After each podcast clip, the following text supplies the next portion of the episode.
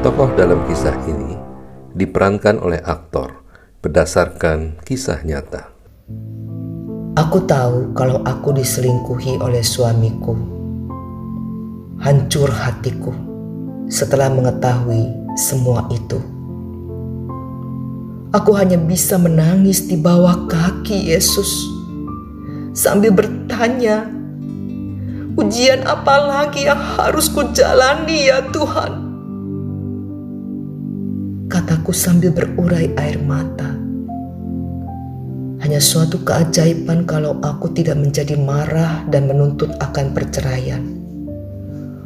Roh Kudus yang memberikanku kekuatan untuk diam, sabar, dan terus berdoa bagi suamiku. Sengaja aku seolah tidak tahu tentang perselingkuhannya, sebab Roh Kudus mengingatkan aku. Suamimu sedang dikuasai roh lain. Kalau engkau memarahinya, maka ia akan semakin nekat dan akan berani untuk tidak pulang ke rumah. Tetapi kalau engkau bersikap seolah-olah tidak tahu, maka setiap hari dia pasti pulang karena ia takut ketahuan. Aku terus bersandar pada Tuhan dan merubah sikapku serta penampilanku di hadapannya.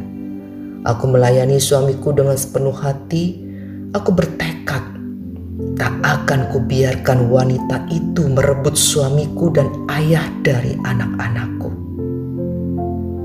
Hari-hariku kuisi dengan semakin mendekatkan diri kepada Tuhan dan berusaha semakin mengasihi suamiku.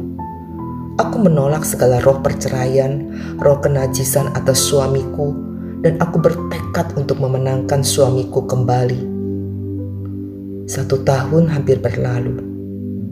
Suamiku jatuh sakit. Aku merawatnya dengan sepenuh hati. Ku ajak dia berdoa bersama. Aku memompa semangatnya untuk sehat kembali Ku ingatkan masa-masa indah yang pernah kami jalani bersama. Aku selalu berkata kepadanya, "Aku bangga denganmu. Kalaupun aku harus menjalani hidup kembali, aku tetap ingin bersamamu," kataku. Kulihat matanya berkaca-kaca dan berkata, "Maafkan aku," katanya.